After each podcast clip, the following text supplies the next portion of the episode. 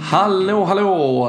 Och eh, varmt välkomna tillbaka till ett nytt avsnitt av LFC-podden där eh, jag, Robin Bylund, är tillbaka.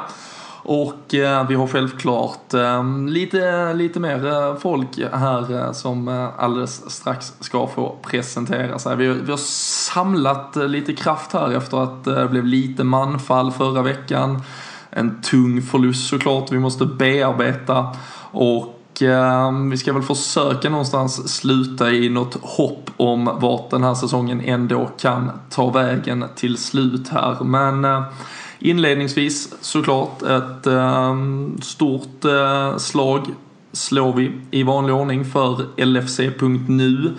Den svenska officiella supporterklubben finner ni ju där dag ut, dag in. Eh, Krönikor, eh, reportage, eh, nyheter, eh, senaste matchfakta, allt man kan tänka sig. Ehm, nu börjar ju säsongen här lida mot sitt slut men för den sakens skull så är inte chansen gången att bli medlem. Det blir man på ett år oavsett när man tecknar. Så känner ni att Liverpool behöver det där lilla extra stödet nu här i sluttampen så ehm, se till, glid in på lfc.nu, teckna ett medlemskap för ett par hundra lappar och så, ehm, så fortsätter vi växa ut och ehm, stärker vår roll som Sveriges eh, överlägset största internationella supporterklubb till något fotbollslag. Men eh, nu eh, välkomnar jag väl först och främst eh, Christian Andersson tillbaka efter lite, precis som jag, lite uppehåll åtminstone.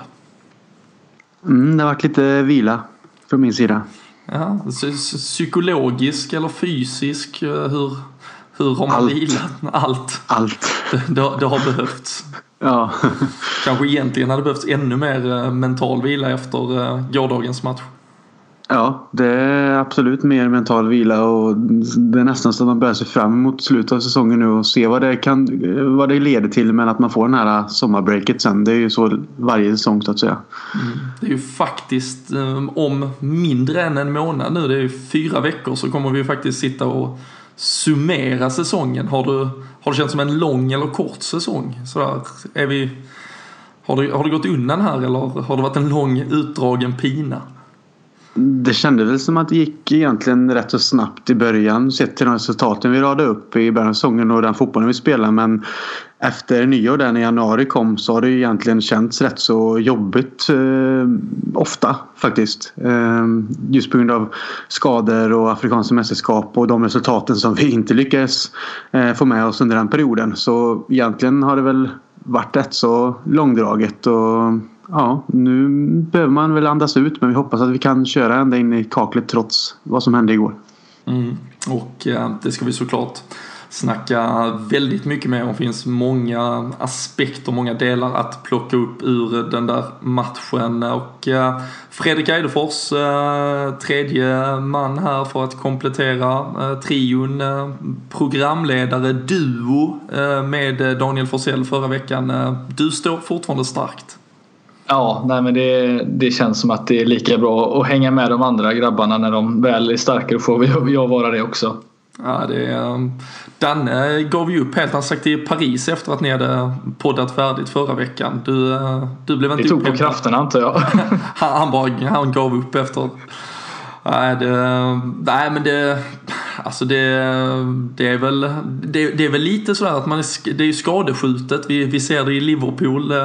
Det är i slutet av säsongen. Man märker det ju här också. och Det, är- det är mycket som händer hela tiden känns det som. Och man eh, dras. Jag vet att ni var inne på att snacka om det här med topp 4, hur man sitter och läser i tabellen. Du eh, avslöjade mitt eh, Excel-dokument från 2013-2014 men, men börjar det, är det mentalt nästan liksom så här, är man dränerad snart med fyra veckor kvar?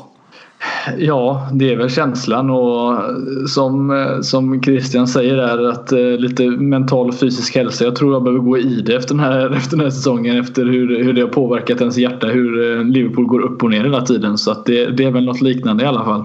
Mm.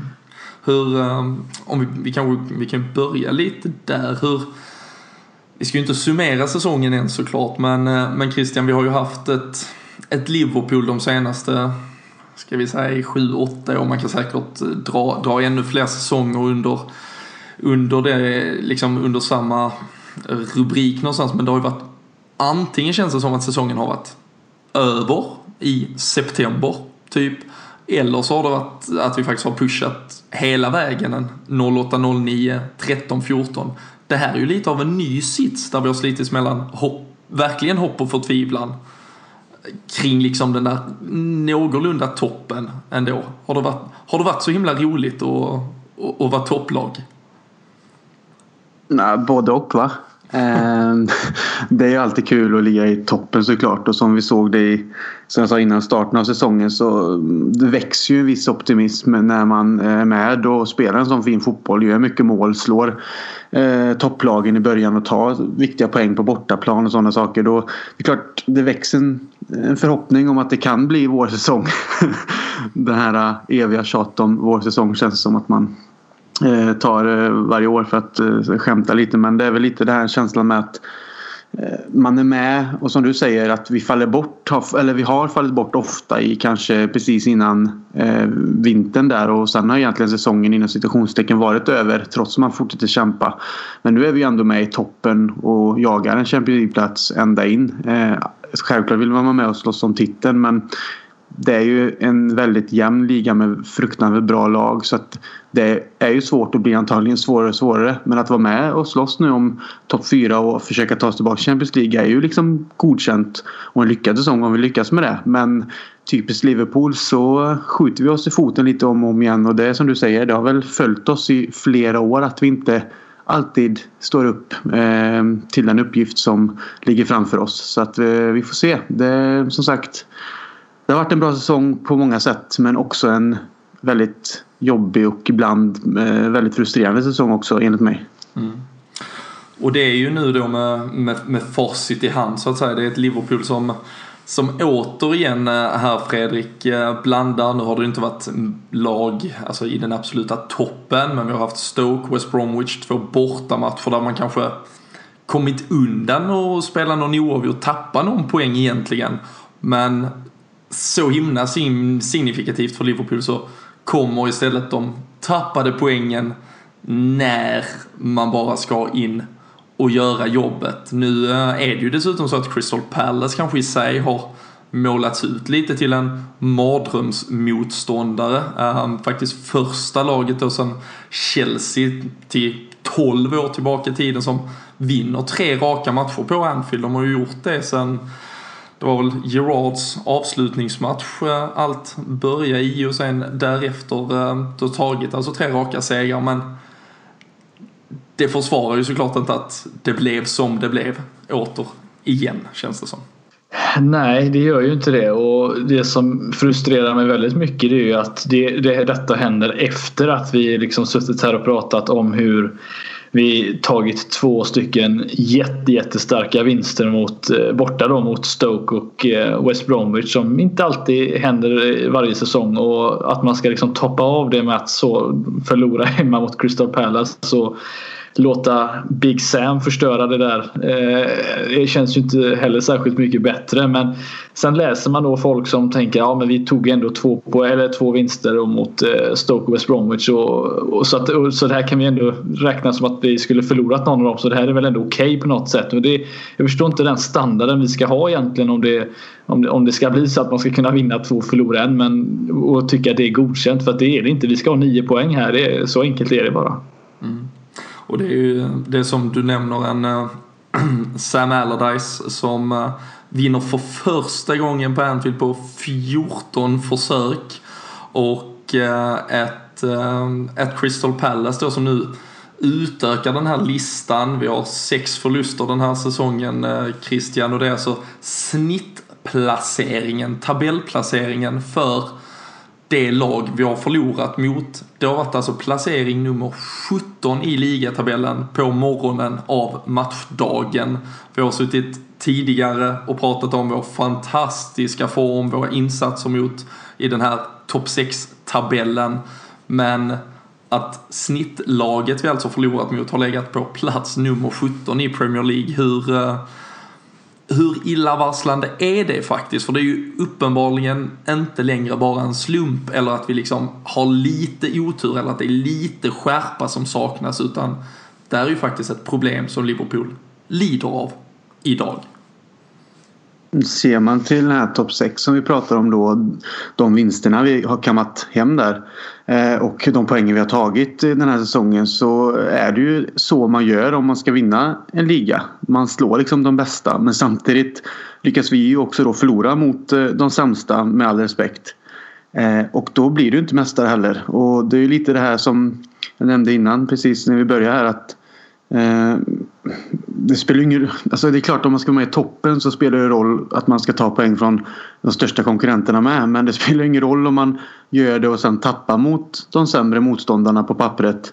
Eh, trots att det egentligen inte finns några dåliga lag i Premier League på det här sättet så som vi alltid pratar om att vissa motståndare är ju lite sämre och kanske ska på något sätt vinnas. Men vi, vi lyckas inte med det och som vi har nämnt tidigare i podden så har ju det förföljt Liverpool under många säsonger och vi har väl diskuterat det lite i vår lilla grupp vi har också på Facebook det här med att eh, det går ju tillbaks egentligen hela vägen till Holier-eran. Eh, och det är ju snart snart 20 år sedan om man ser till det. Och det har förföljt egentligen under Benites eh, och alla tränare därefter också. Rodgers och nu Klopp också. Just den här känslan av att Liverpool har någonstans en tyvärr för att säga det, en slags loser-mentalitet som inte slipas bort och som inte någon tränare än har lyckats ta bort. Eh, eh, fast man kanske har förväntat sig det. Det är liksom att vara bäst när det gäller och ta saker och ting på allvar. Det känns som att vi hela tiden gör samma sak om och om igen. Att vi, vi bygger upp ett momentum för att ta det där extra steget och etablera oss på en viss nivå och ta ett steg framåt och kanske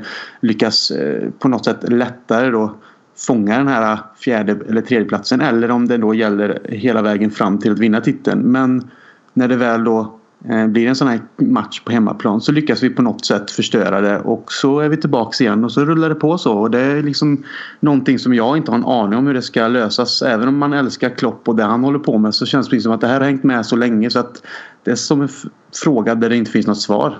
Mm. Men om vi håller oss till just den här säsongen skulle ni säga att det är att det är själva förlusten i sig eller sättet vi förlorar mot de här lagen som är det som egentligen är det stora problemet för att eh, alltså, ta Chelsea till exempel som bara för några veckor sedan åker på då den här 2-1 förlusten även de hemma mot Crystal Palace men ändå på något sätt borde ha gått därifrån med segern sett till att de faktiskt tryckte på. De hade en hel del målchanser. Men ser vi på hur, hur vi presterade i en sån här match. Vi, vi hade egentligen inte ens en mål. Vi hade bara en målchans egentligen som var riktigt, riktigt farlig. Mm. Eh, och, och, det är väl egentligen snarare sättet liksom mot Bournemouth. Det där är ju liksom en kollaps som bara kan hända liksom. Men sättet vi förlorar mot Swansea. Vi förlorar mot Crystal Palace i det här fallet. Och nu kommer jag knappt ihåg vilka vi ens har förlorat mot mer. Men just de typer av förluster. Det är väl snarare sättet som är det som förstör för oss. För att Eh, det är, liksom, det är varken bra anfallsmässigt eller försvarsmässigt och då är det inte lätt att vinna en fotbollsmatch oavsett hur dåligt laget är eller vilken placering de egentligen har. Nej, jag tycker ju personligen i alla fall att vi har två egentligen alltså ganska monumentala problem som, som har varit egentligen liksom övergripande för hela säsongen. Sen har de ju blottats just vid de här förlustmatcherna och dels har vi ju ett, ett försvarsspel eh, som både i liksom taktiskt eh, disponerat är ganska svagt, eh, på gränsen till extremt svagt, men, men där också individuell skicklighet saknas till den milda grad att, att vi ser en spelare som Dejan Lovren ändå på något sätt ska vara någon ledarfigur. Vi ser en Nathaniel Klein som har kommit undan med att påstås liksom vara en väldigt, väldigt bra spelare och vilket han inte är. Eh, jag vet att ni var inne på det förra veckan. Eh, jag har nämnt det för eh, vi, det, är ju en spelare som verkligen verkar dela mycket vatten här för det är många som tycker fortfarande att han är väldigt stabil och enkel men vi kan ju prata om till exempel hans försvarsspel vid, vid första målet för Crystal Palace och eh, vi har James Milner och sen har vi ju även då det här bristen av alternativ i vårt anfallsspel som vi kommer tillbaka till om och om igen som, som behövs just de gånger vårt försvar sviker oss och eftersom vårt försvar sviker oss ganska ofta så behövs den där plan B, det behövs ett alternativ. Och eh, jag satt liksom frustrerad efter matchen igår och liksom bara kikade på hur, hur vi egentligen har presterat i situationer där vi har behövt leverera, liksom agera på ett sent mål där vi har behövt flytta upp manskapet och på hela den här säsongen har vi alltså i underläge eller i oavgjort läge bara gjort två mål på en hel säsong efter den 75 minuten. Det vill säga vi har inte haft, vi har egentligen aldrig bidragit med liksom den här desperationen, med alternativen. Vi har inte sett liksom för fan, vi såg ju Ben Foster liksom attackera vårt straffområde mot West Bromwich. Vi har inte, vi, den där frustrationen och desperationen har vi ju inte sett i Liverpool. Det där är ju såklart att ta det till en annan nivå. Men, men ingen i Liverpool verkar ha varken benen till det, ha hjärnan eller hjärtat till det. Och det, där tycker jag vi har ett jättestort fundamentalt fel. Och eh, vi är en fantastiskt väloljad maskin som när det fungerar så ser det extremt bra ut. Men där är varken faktiskt taktisk kompetens, tyvärr från Jörgen Klopps sida, också begränsad såklart av den trupp han besitter. Det var ju en liksom rekordung och eh, oprövad bänk återigen igår. Men också en situation han själv har försatt sig i som jag pratat om förr. Och um, Eh, ett lag tyvärr med spelare som inte verkar räcka till på den här nivån. Um, när det så att säga gäller att man faktiskt kanske tar lite egna initiativ utan uh, för många safe-spelare som inte riktigt bryter mönster och gör det med passionen som krävs. Så um, jag vet inte, lite, lite rage sådär men det, det, ja, men det är ju känslan man har Robin. Det är, det är ju verkligen så att det, alltså man vill ju ha spelare som, som liksom slåss för, för den tröjan de egentligen har på sig. Tar man liksom sista minuterna, jag vet inte, vad är det, 80, eller vad är det, 74, 75 minuten han gör mål i Benteken och sånt där va. Eh, och det är väl liksom, om vi säger 10-12 minuter kvar till matchens slut och, och långbollarna vi drar in liksom det, det, finns ingen tanke liksom bakom det. Det finns ingen, ingen som liksom vill få en blodig, liksom, blodigt ögonbryn för att de har liksom skallat upp med någon när de har försökt vinna en boll. Vi ser inte den typen. Och om det, det känns som om vi, när, när var senast vi hade en sån spelare? Det var väl Suarez egentligen då. Köjt, den typen av spelare som verkligen vill göra allt för att vinna. Och det, det finns ingen spelare och vi pratade ju om det med till exempel efter den Bournemouth-matchen där med Origi som hade ett jätte, jätteläge att trycka in 3-2 när det bara några minuter till. Och han ska försöka Liksom med dobbarna. Ja, men alltså, mm. alltså bryt benet och vinn matchen. Du blir en hjälte för den här klubben och det finns ingen som vill ta de initiativen.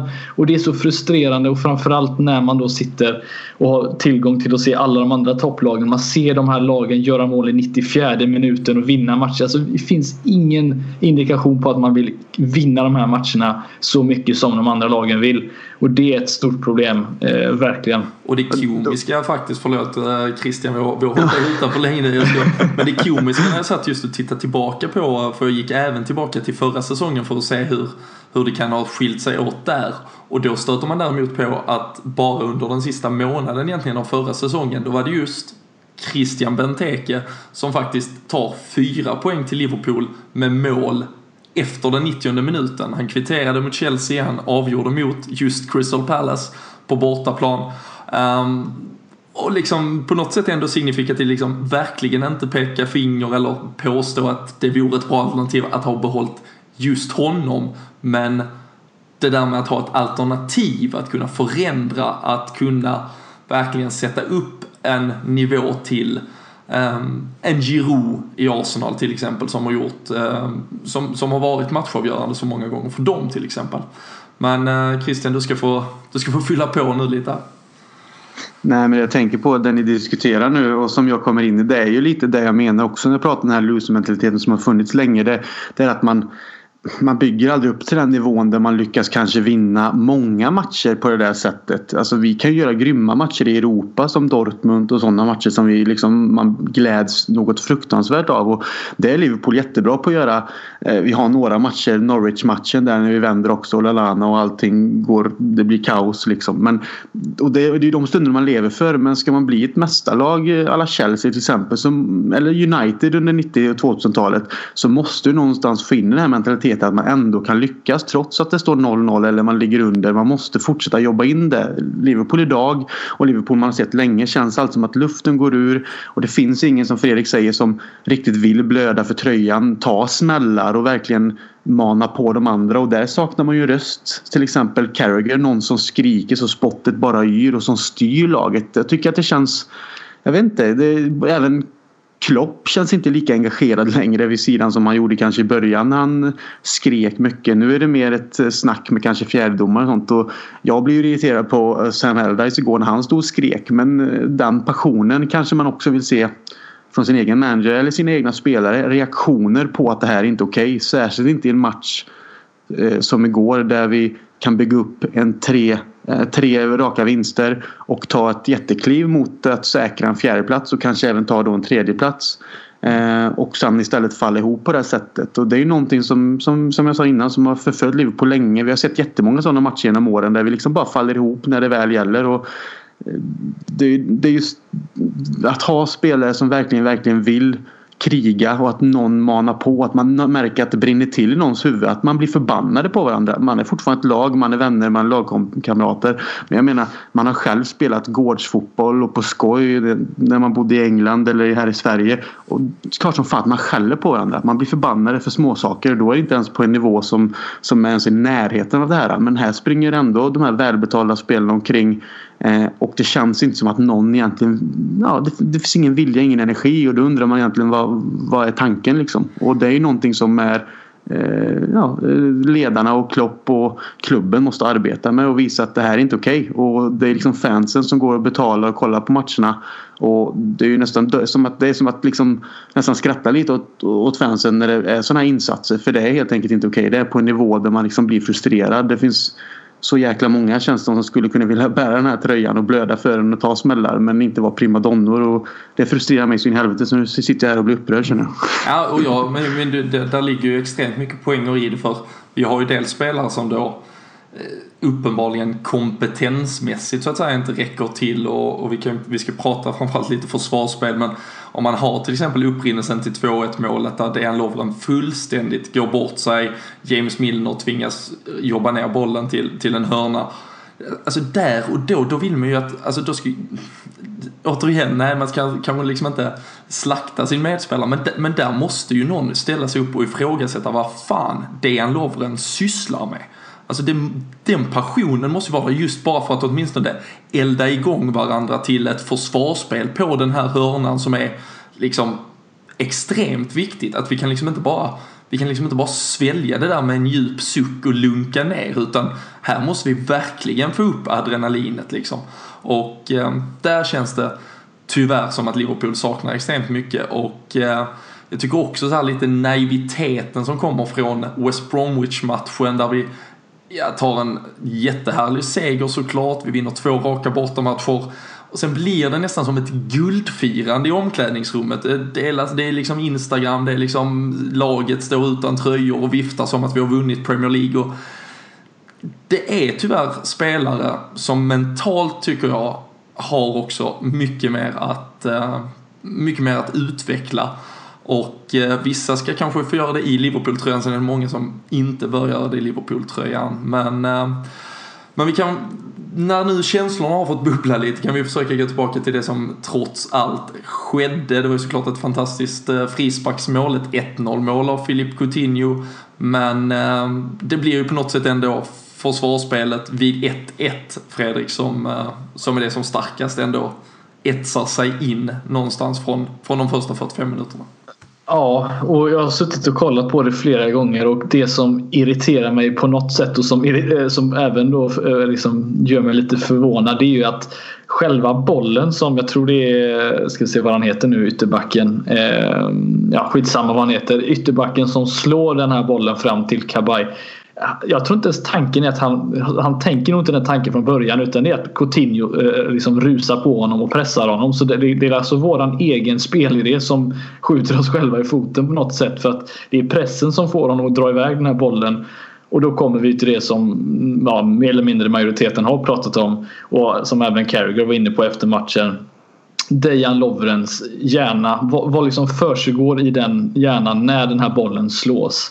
Det, det, kan jag inte förstå hur en mittback har den tanken. Han tänker väl att det är en kort passning som ska gå men du kan inte, du får inte liksom tro som en mittback. Du måste vara säker. Och att han då inte hänger med där. Det är inte konstigt när han väl får upp farten men sen allt därefter i försvarsspelet. Det är ju 10, 20, 30 meter mellan varenda spelare i den backlinjen och eh, det, vi har ju sett det förut att det är ingen som hänger ta de här löpningarna tillbaka och Klein som ska vara en av de kanske snabbare spelarna i alla fall i backlinjen. Han är ju så långt efter eh, så att jag vet inte riktigt hur tankesättet går i de här försvarsspelarna för det är, det är väldigt amatörmässigt försvarsspel och det är som sagt inte första gången vi har sett det heller när, eh, när de inte tänker utan bara på impulser gör saker. Det är väl då som sagt Dejan Lovren som får mycket skit. Det är väl då han är som mest naken i spelet är när han, när han inte tänker utan han bara gör vad han tror är bäst och då blir det oftast pannkaka på det hela.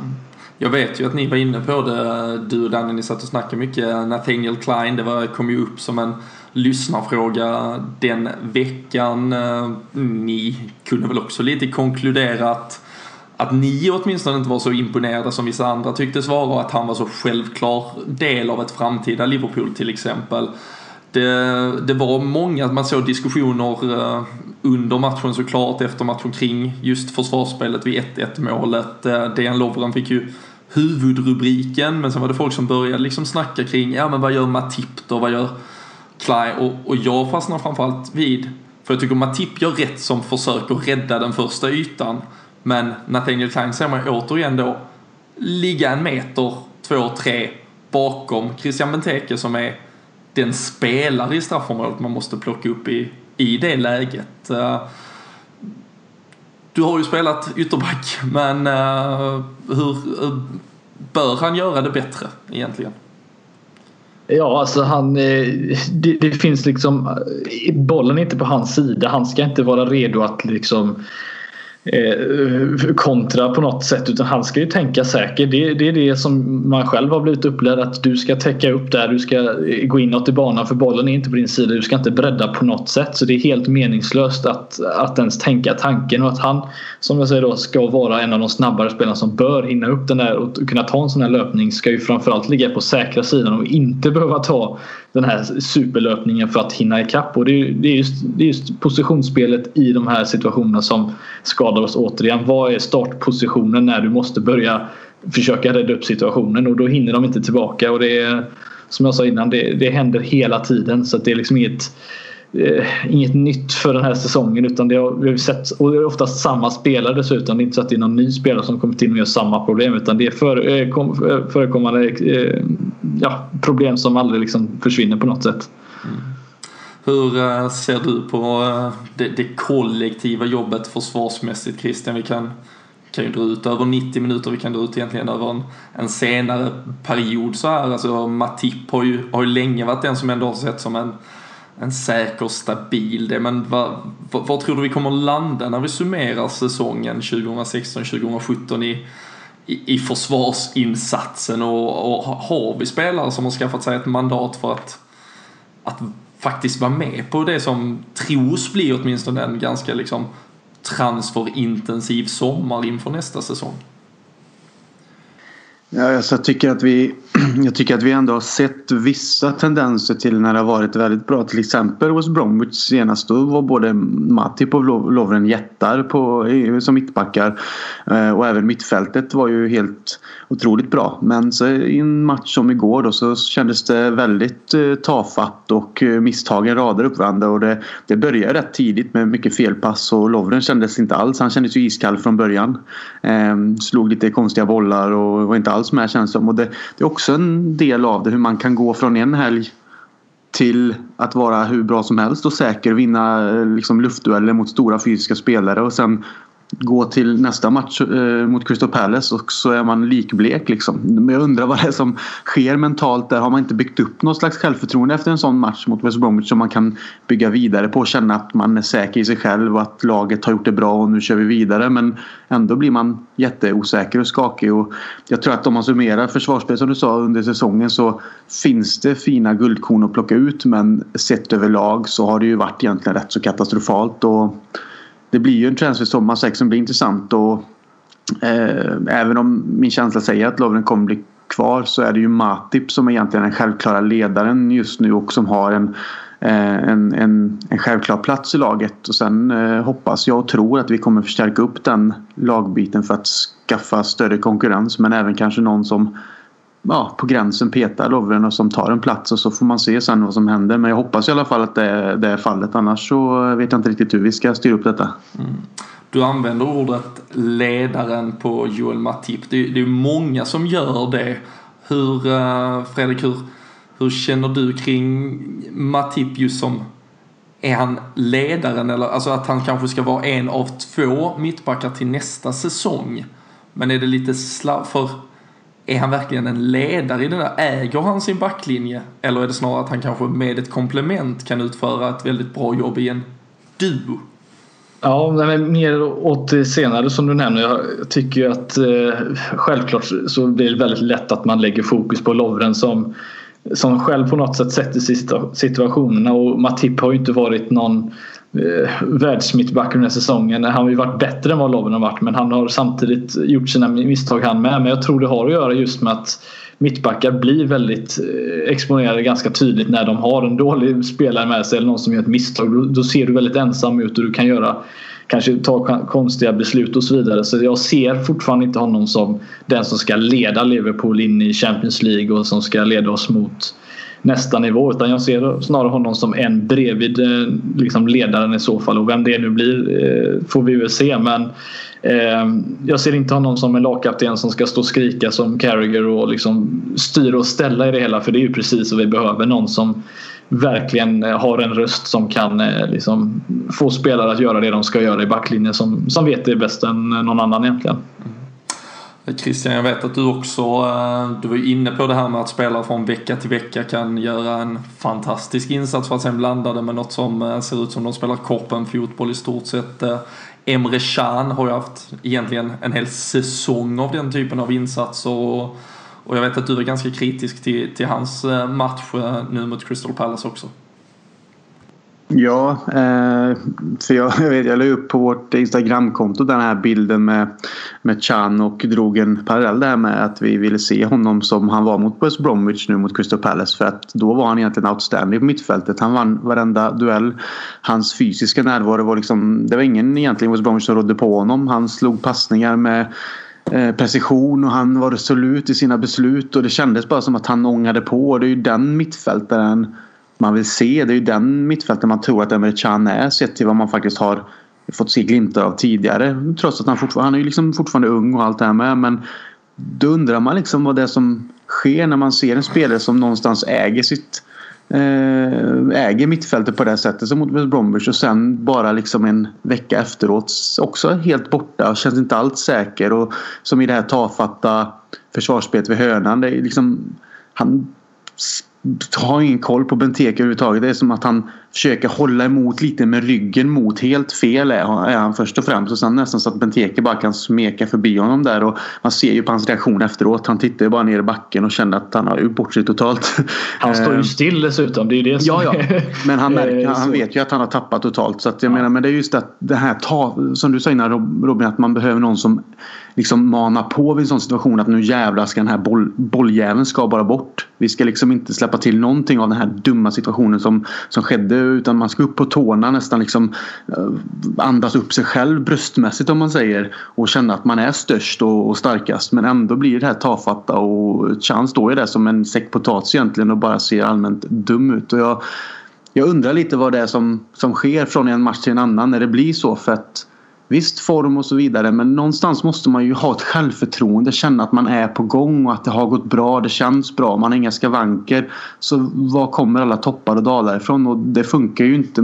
Sen att alla kan bli skadade och få formdippar under en säsong. Men man måste ju någonstans på den här nivån upprätthålla en klass som faktiskt håller i sig under, under en period och inte bara liksom ha en match då och då där man verkligen är riktigt bra och sen försvinna. För då, då räcker ju inte det för att spela i ett så kallat topplag i Premier League. Men för Chan blir det ju väldigt, tycker jag det är väldigt tydligt och det är ju det alla lagen som vi har förlorat mot som de har, som de har gjort. För det måste vi säga att vi har varit dåliga, ja det har vi varit, men många av de här lagen får vi säga att har varit spot on med sin taktik och gjort det väldigt bra. Så man får ju faktiskt ge det att de har spelat på sina styrkor och det är väl att, att vi inte har några ytor mot de här lagen. Och Emre Can utan, eller utan några ytor att springa eller passa på då är vi tillbaka till det sidledslaget som vi har varit under många eh, matcher som vi har haft svårt att skapa chanser på. Igår tyckte jag var en sån där match där vi slog väldigt mycket sidledspassningar och det var framförallt korta sidledspassningar så, så det tar nästan 4-5 passningar innan du är över på andra sidan. Eh, och Emre Can när det inte finns någon yta tycker jag att det är där hans stora brist är som, som just en mittfältare. Att han har ingenstans att springa och han har eh, ingenstans att lägga bollarna på. Och där måste jag säga att Crystal Palace, alltså de kvävde oss ordentligt på mittfältet igår. Det fanns inga ytor överhuvudtaget. Coutinho, visst han gör ett snyggt mål men han, inte ens han kunde hitta ytor när han liksom jobbade sig inåt i banan. Så att, eh, det är ett stort problem och kollar man på de här matcherna mot Swansea och alla de här som vi har förlorat då, då är det väldigt mycket på grund av att det inte finns några ytor i mittfältet. Så där måste man säga att motståndarna har gjort sin läxa och det har inte vi i de eh, situationerna. Nej, och sen så har vi ju tyvärr också tvingat in oss i en, i en situation såklart också påverkad av skador. Det har också varit mycket debatt kring det där. Eh, Klopp var ju ute inför Crystal Palace-matchen och pratade lite om att skadorna förstörde vår säsong, det förstörde vår titeljakt. Eh, jag skrev själv en eh, krönika i ämnet eh, innan matchen där som lite slog tillbaka mot det och faktiskt eh, snarare lägger den skulden på FSG, på ägarna, på Jörgen Klopps eventuella naivitet till att den här tron på truppen, att den var bra nog. Där fanns ju pengar kanske. Där fanns ett januarifönster vi hade kunnat förstärka. Vi hade kunnat stå med något annat än Ryan Brewster som ännu en ung talang på en Premier League-bänk när vi alltså jagar en av våra viktigaste tabellplaceringar på år och dag. Det är ju nu vi verkligen ska, ska tillbaka. Och eh, det, det, är ju extremt frustrerande att, att känna att vi att det här borde ha varit klart för så länge sedan. Det kändes som att det borde ha varit klart för bara en vecka sedan. Men att vi hela tiden bjuder in andra lag i, i det här för att vi inte riktigt har kvaliteten nog. Eh, till, till syvende och sist känns det ju som, och nu har vi varit inne på en Dejan Lovren, vi har varit inne på en Emre Can.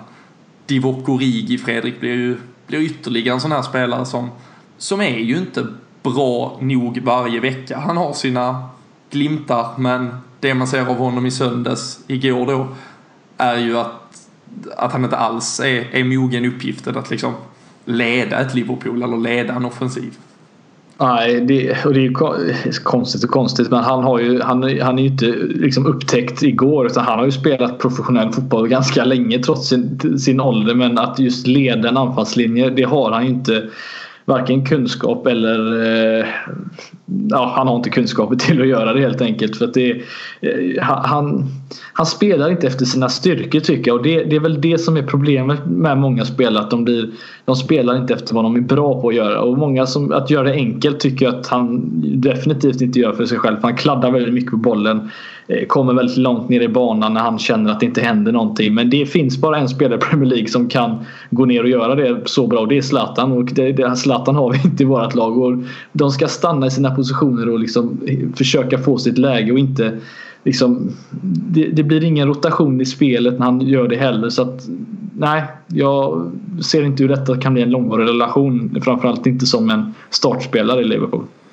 Nej, och det är väl där någonstans man då att sommaren kanske eventuellt blir ett, ett vägskäl. Som sagt, han är fortfarande ung, han blir 22 år, men vill han något mer så kommer det ju inte vara i Liverpool. Han, det hoppas jag åtminstone för att jag, jag, jag tycker att vi, vi behöver ha en helt annan kvalitet där framme. Jag har pratat om det förr också. Jag tycker han är väldigt bra när han kommer in. Får spela den där 15-20. Han brukar komma in med en energi då och kanske just lite mer faktiskt tänka, tänka lite egoism men tänka lite så här, då verkligen går han för sitt mål, han vill göra sitt mål men när han försöker som du säger involvera sig i spelet så tappar han väldigt mycket av det han egentligen kan. För det är väldigt många saker i fotbollen han inte behärskar som han försöker bli en del av under 90 minuter. Och eh, i allt det så verkar han bara försvinna eh, ut i tomma intet istället. Så eh, så det är ju eh, tyvärr då återigen då ett Liverpool här nu som, eh, som har satt sig själv i en liten rävsax. Det såg så extremt bra ut eh, för bara några dagar sedan då inför den här Crystal Palace-matchen. Och eh, även om man inte nu Christian ska liksom måla fullständigt fan på väggarna, även om man känner att man bara vill kasta ur sig det, så är det ju nu faktiskt ett Liverpool som då inte har ens fjärdeplatsen och nu vet jag i förra veckans podd så pratade man om vikten av tredjeplatsen kanske med tanke på hur tufft ett kval för oss eventuellt blir till Champions League. Manchester City, två poäng bakom oss, två matcher mindre. De kan alltså vid full poäng vara fyra poäng framför. Manchester United, också två matcher mindre spelade, tre poäng bakom kan vara tre poäng framför när de har spelat i kapp. Även om då City och United även ska mötas. Det finns lite inbördes matcher som kan ställa till det. Arsenal ligger vi på poäng med om de tar in vad de har ospelat än så länge. Men hur är känslan där? Man pratar ju om att någon gång kanske vi också skulle tappa poäng men, men nu har vi ju gjort det och nu är det väl inte råd till mer men kommer vi ens klara det om vi går rent tror du? Jag är ju lite rädd för att vi har eh, våran chans, har, eller att vi har kastat bort chansen helt enkelt. Eh, som sagt, det är fyra matcher kvar för oss och jag, jag tror att vi måste vinna alla matcherna för att eh, ta Champions League-plats. Eh, Manchester United och City ska mötas, ja, visst, men United är ju inne i ett stim nu. Ehm, Spelar, spelar liksom bra, försvarar bra, gör målen och nu Zlatan skadad så är det andra som går in. Det känns som att José Mourinho har fått igång dem. Tyvärr. Eh, men jag tror inte att vi lyckas vinna de fyra matcherna som återstår och det är West Ham på bortaplan. Eh, en tuff match som vi inte alltid har eh, allt för lätt för heller och Southampton hemma även om vi har slått Southampton flera gånger det senaste så skulle det inte förvåna mig om det är en sån match som vi inte lyckas heller liksom ta tag i riktigt. Så det, jag är jätteorolig för att vi igår egentligen kastade bort den här eh, chansen efter de fina resultaten borta mot, eh, hur ska man kalla det, Bonkargängen då, Stoke och West Bromwich. För där kände jag någonstans att vi lyckades med att kanske etablera då den här känslan att fasen nu kommer det bli Champions League-plats. Men som sagt igår så skjuter oss foten i en match som vi eh, liksom är så pass viktig på hemmaplan att vi egentligen bara ska gå ut med och på ren vilja egentligen. Inget ont om Crystal Palace men den här viljan återkommer jag till igen att man faktiskt går ut och förstår allvaret i matchen. Att det här är en hemmamatch nu efter två bortamatcher där vi har tagit sex poäng som kanske inte alla, eh, alla trodde från början. Och nu går vi ut och ska bara fortsätta och bara egentligen köra över dem på ren vilja och jävla namma. Men det dyker liksom aldrig upp. Eh, så att jag är jätteorolig att vi inte kommer lyckas ta, ta det här utan det blir en det blir till slut en, eh, en, en jätte ja, en femteplats som skulle kännas så fruktansvärt dråpligt så det är sorgligt och då är ju hela säsongen egentligen ett stort eh, misslyckande. Mm. Det, ja, det, det skulle såklart vara fullständig eh, liksom, ridå verkligen och så mental breakdown kring kring det. Jag vet eh, också att ni förra veckan var inne på att eh, just City och United nu ska mötas Fredrik. Eh, de möts ju här mitt i veckan.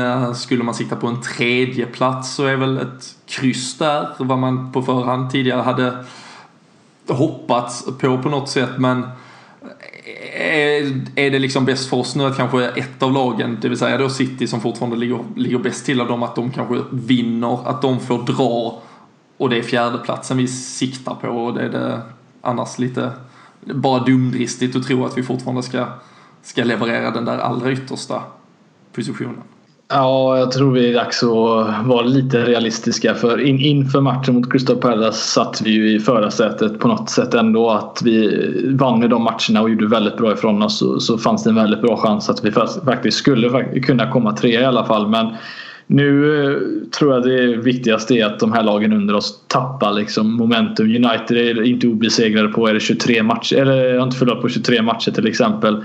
Eh, får dem att förlora, tappa lite fokus. Eh, samma med Arsenal som nu bytt eh, spelsätt och kanske kommer igång och vunnit nu två raka matcher. Eh, visserligen i, i kuppen nu då, men just att de kommer igång. Det är just det som är problemet. Att de inte avslutar bra för det Eh, det kommer ta död på oss för jag tror inte vi som Krille säger vi kommer inte avsluta rent på något sätt utan vi kommer möjligtvis förlora någon kanske eller kryssa någon och det, vi skulle behöva så många vinster som möjligt så att eh, att få de lagen under oss att tappa så mycket som möjligt snarare än att City också ska göra det det, det är nog det vi får eh, sitta och hoppas på så att att de kryssar mot varandra och så vidare. Tottenham går och vinner de matcherna som de möter. Vilka nu de har kvar, om det är United eller City och så vidare. Så då, kan, då har vi en bra chans i alla fall. Mm. Ja, vi kan väl vi kan ju kika lite eh, listan ner om man tar matcherna med väldigt stort intresse så är det ju då City United här på, på torsdag. En eh, City-vinst är väl kanske vad man då hoppas på. Sen har vi Tottenham mot Arsenal till helgen där, där Tottenham väl då får, får se som vårt, eh, vårt hopp åtminstone. Och eh, sen så kommer ju en eh, väldigt avgörande match också den 7 maj, det vill säga ytterligare en vecka fram när Arsenal möter United. Där vi då kan hoppas att Arsenal har tappat poäng mot Tottenham, kan stjäla poäng mot ett United och därmed hålla, hålla oss, så att säga, över linan eh, till den där topp 4 så länge vi, vi själv gör jobbet. Och sen eh, så kommer ju dessutom United avsluta med en match mot Tottenham på bortaplan veckan innan säsongsepilogen eh, där vi då har eh, Middlesbrough på hemmaplan. Eh, det är väl där allt kanske kommer att avgöras men 10 poäng på de här fyra sista har jag tidigare, eller faktiskt om vi tar tillbaka innan Stoke-matchen när det var 7 matcher kvar, 16 poäng.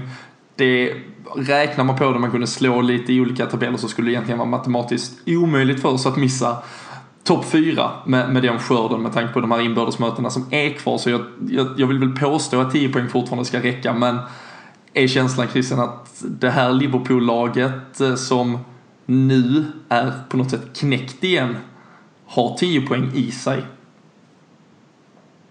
Ja, det är, det är det som är den frågan och som gör mig så himla osäker. För det är ju det vi pratar som du nyss nämnde det här med att så länge vi själva gör jobbet. Problemet är att vi lyckas ju inte göra jobbet när vi väl behöver göra det.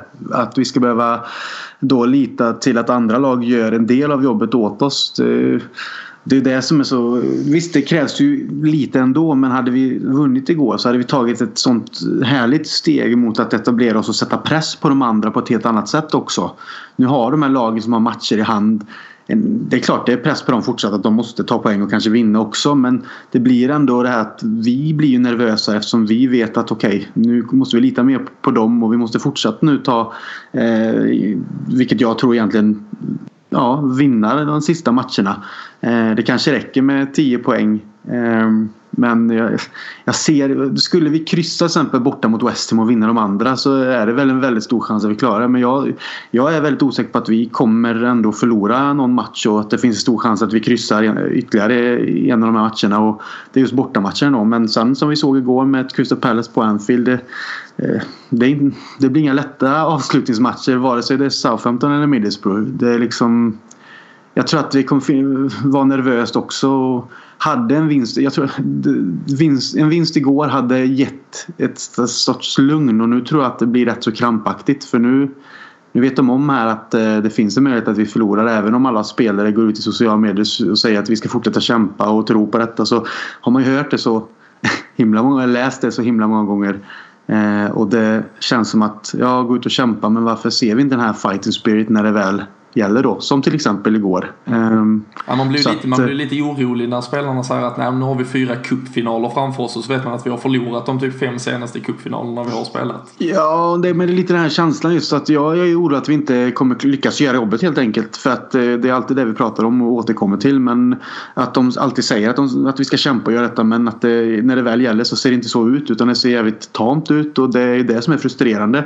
Att det är mycket snack och lite verkstad liksom. Och det gör mig förbannad och jag är rädd att det kommer förstöra hela den här säsongen för en också. Att det blir liksom att låsa in sig under hela sommaren och skita i allt och vakna sen i augusti liksom.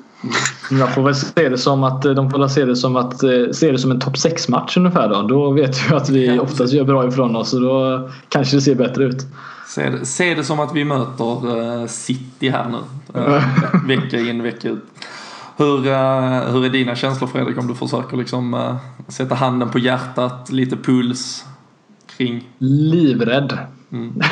alltså jag, den här matchen var, så, var, det var ju man kan ju faktiskt säga, hade vi, hade vi slått Crystal Palace hade vi kanske till och med kunnat klara oss med att bara vinna våra två sista hemmamatcher, Southampton och, och Middlesbrough. Ja men ungefär så, det är just det och att, och att vi har då majoriteten blir det väl. Eh, nej det blir inte, det två hemmamatcher, två bortamatcher blir det väl sammanlagt. Eh, men att om vi räknar innan Palace-matchen, okej okay, vi, har, vi har majoriteten av hemmaplansmatcher nu som vi ska vinna. Vi ska få tillbaka den här borgkänslan nu. Och då går man och förlorar den första matchen av de tre. Eh, alltså en måndagsmatch mot Watford borta som har varit urusla men som Alltså det är just det som är känslan nu att det finns absolut ingen känsla i mig som säger att vi ska gå dit och köra över dem som de andra lagen har gjort. Det finns ingenting som säger det i min, i min bok just nu och det är väl det som gör mig så livrädd att, att det är inte att jag inte litar på spelarna, det är att jag litar inte på att de gör jobbet. Det är just det att klubben har inte den liksom, den styrkan att klara av det. Och jag, jag är livrädd för det att de inte kommer göra det och att de andra lagen kommer att ta eh, poäng i matcher som vi hoppas att de inte ska göra det tyvärr. Mm. Vad, vad känner du Christer Vi kan ju börja blicka lite mot Watford. Det är som sagt nästa match. Det är på måndag kväll. Första maj. Så man kan ju passa på att sitta och dricka öl hela dagen där annars för att lugna pulsen lite. Men eh, vad, vad, behövs förändras mot det vi såg mot Crystal Palace för att det här ska bli en, en trevligare uh, utgång? Och uh, ett alternativ som börjar såklart spekuleras kring en Adam Lallana kan vara tillbaka. Det är ju en vecka kvar dessutom. En gubben i lådan kanske, men, men vad mer? Där finns inte så mycket. Det är lite trolla med knäna för Jörgen Klopp, utan han, han måste ju få i stort sett samma material att bara leverera något helt annat. Ja men det är väl det som krävs enligt mig är just det här jävla namnet att gå ut liksom att med en järnvilja som bara liksom är att eh, liksom, de ska inte ha en jävla chans. Nu ska vi gå ut och köra. Sen visst, det kommer till taktiska delar också. Man kan inte bara gå ut och tro att man kan köra över någon. Man kan bli straffad direkt. Men det gäller ändå att ha den här viljan, mentaliteten, att det brinner till lite. Eh, hålla något jäkla brandtal eller vad som helst. Eh, eller att någon av spelarna, typ som vi pratade om att Henderson hade samlat eh, gruppen och snackat eh, under säsongen. Och, alltså, no någonting som bara som sätter igång det som gör att man känner att spelarna tar det här på allvar. Att det liksom, man ser direkt från det att matchen blåses igång och det har vi faktiskt gjort några gånger och pratat om det i podden med.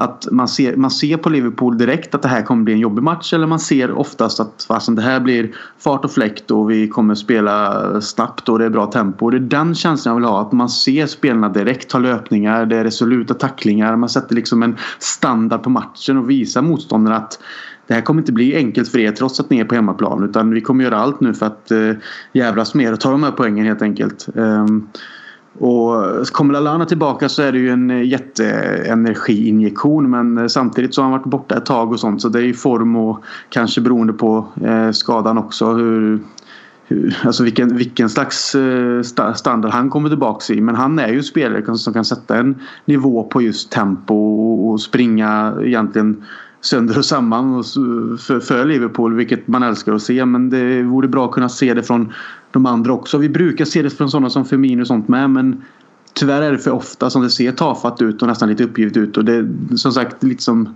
Fredrik säger det är det här jag är livrädd för liksom att vi vi åker till Watford som inte har varit bra men de kommer se skitbra ut mot oss för att vi inte kan göra jobbet när vi väl är där tyvärr, nu, nu nämner vi Firmino, nu har vi, vi har inte varit inne på hans match alls. Det, det var ju en väldigt, väldigt dålig match.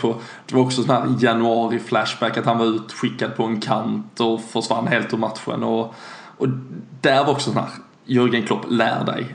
Roberto Firmino ska spela centralt i banan, låt honom göra det. Alltså skit i vem fan som spelar på de andra positionerna istället.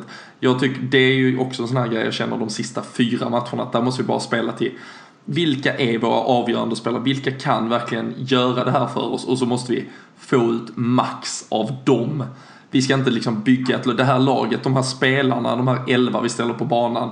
Många av dem ska säkert inte ens vara här nästa säsong. Vi ska bygga något nytt.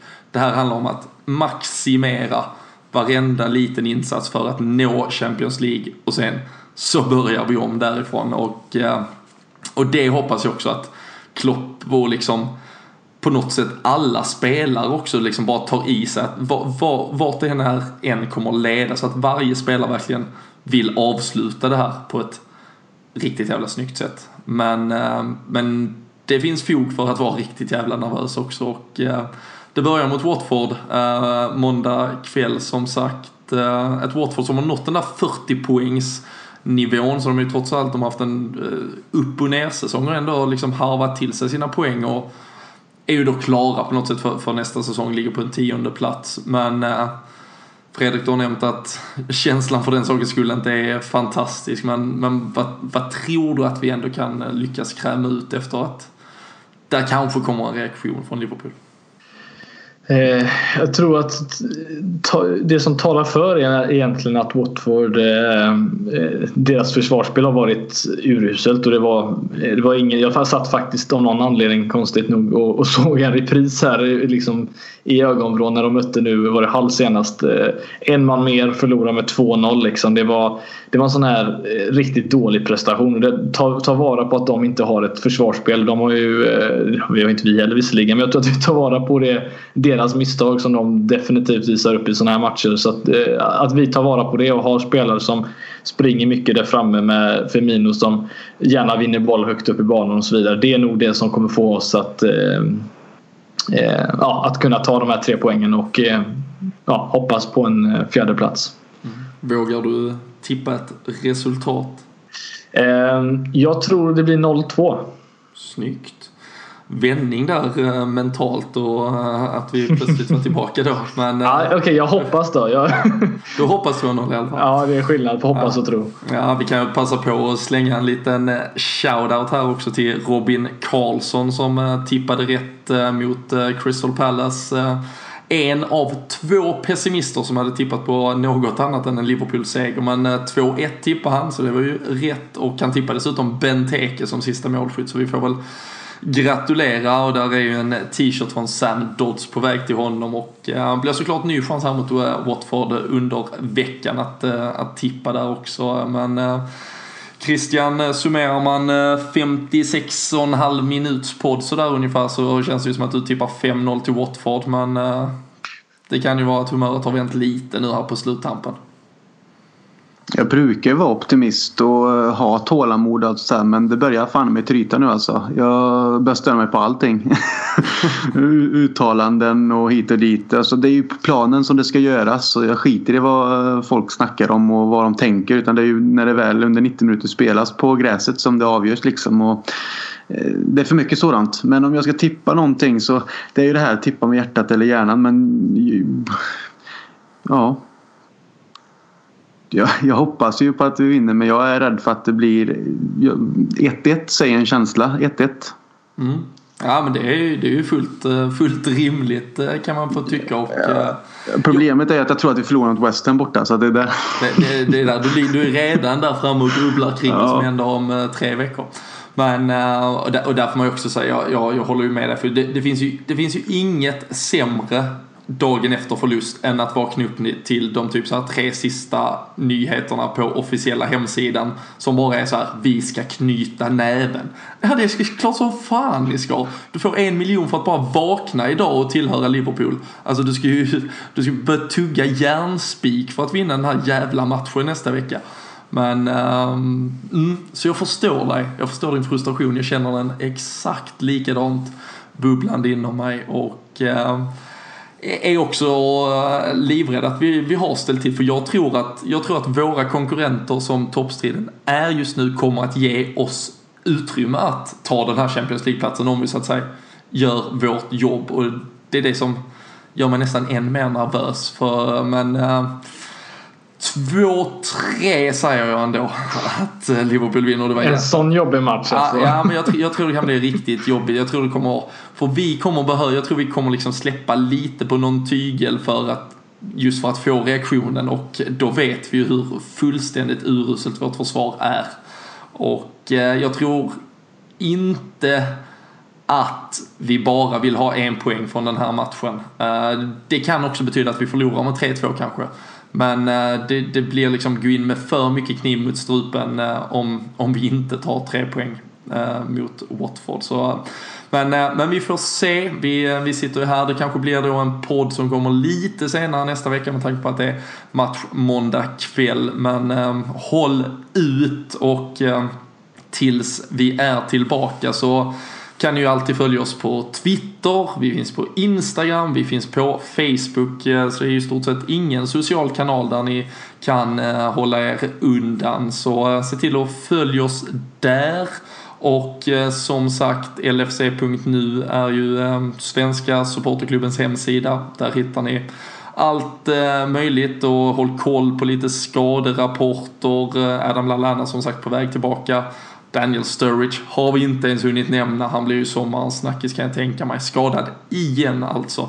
Men eh, vi, eh, vi är som sagt tillbaka om en dryg vecka. Vi tackar för att ni har lyssnat idag och eh, så eh, får ni ha det riktigt, riktigt bra så länge.